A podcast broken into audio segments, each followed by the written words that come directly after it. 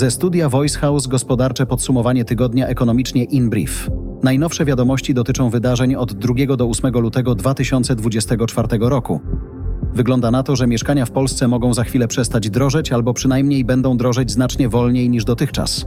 Według serwisu rynekpierwotny.pl w styczniu ceny w ofertach deweloperów urosły w większości miast minimalnie, o około 1%, a w Trójmieście i Katowicach już nawet nieco spadły. Popyt na kredyty mieszkaniowe według Biura Informacji Kredytowej spadł w styczniu aż o 52% wobec grudnia.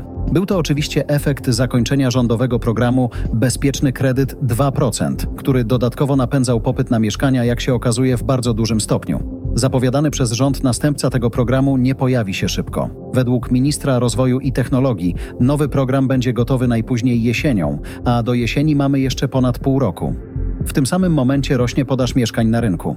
Według Otodom Analytics w styczniu deweloperzy na siedmiu największych rynkach lokalnych w Polsce wprowadzili do sprzedaży łącznie 5300 mieszkań, czyli aż o 42% więcej niż w grudniu. Kluczowe jest jednak to, że jednocześnie sprzedano na tych rynkach 4,5 tysiąca mieszkań, a więc liczba tych wprowadzonych do sprzedaży jest znacznie większa od tych sprzedanych. W takiej sytuacji ceny mogą mieć problem z dalszym wzrostem. Najsłynniejszy prezes spółki w Polsce, Daniel Obajtek, który przez 6 lat kierował Orlenem, właśnie stracił pracę. To samo spotkało jego biznesowych współpracowników. Nowa Rada Nadzorcza w spółce odwołała wszystkich członków zarządu, którzy wcześniej sami nie podali się do dymisji. Radę z kolei wcześniej powołało walne zgromadzenie akcjonariuszy, na którym karty rozdawał minister aktywów państwowych. Nowy prezes zostanie wybrany w konkursie. Wcześniej jednak premier Tusk mówił, że w przypadku największych spółek rząd będzie miał w tych konkursach swoje oczekiwania i rekomendacje. Tak więc można założyć, że konkurs będzie fikcyjny i ustawiony. Ciekawe jest też to, że walne zgromadzenie w Orlenie mogło zablokować przejęcie przez tę spółkę polskiego górnictwa naftowego i gazownictwa, ale jednak się na to nie zdecydowało. Dość łatwa droga do unieważnienia tego przejęcia została głosami Skarbu Państwa zamknięta. Tak więc głośnej krytyce Obajtka ze strony rządowych polityków towarzyszy faktyczna kontynuacja jego działań, jeśli chodzi o rozbudowę Orlenu. Deficyt w budżecie państwa w 2023 roku sięgnął 85 miliardów 600 milionów złotych, z czego ponad połowa to wynik grudnia.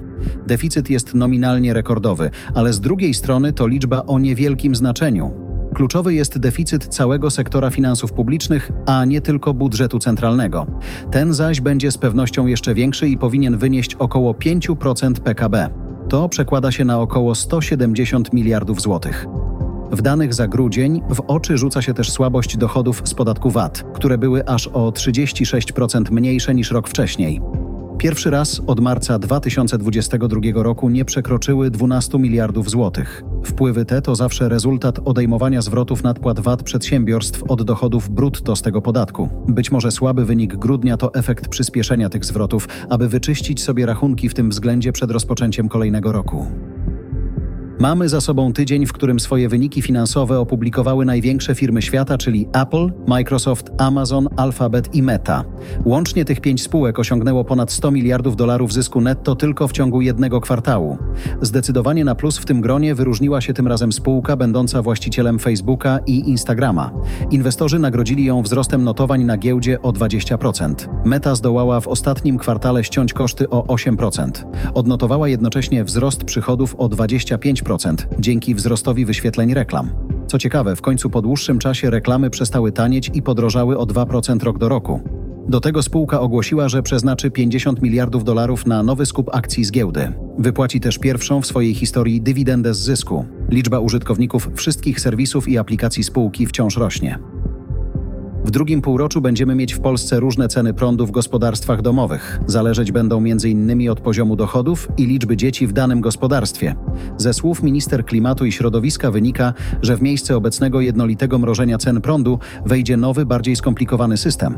Pojawi się kryterium dochodu na głowę członka gospodarstwa domowego. Osoby, które spełnią warunki, będą płacić za prąd mniej. Nie wiadomo jednak jak dużo. Z kolei osoby, które osiągają wyższe dochody, będą płacić więcej. Tu też jednak na razie nie wiadomo jak dużo, ale siłą rzeczy tutaj nie będzie mowy o poziomie ceny z ostatnich trzech lat.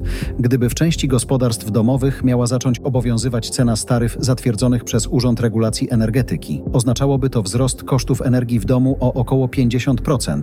Jest jednak szansa na to, że w przyszłym roku te ceny spadną.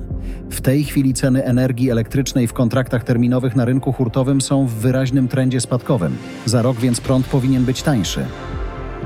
To było ekonomicznie in brief.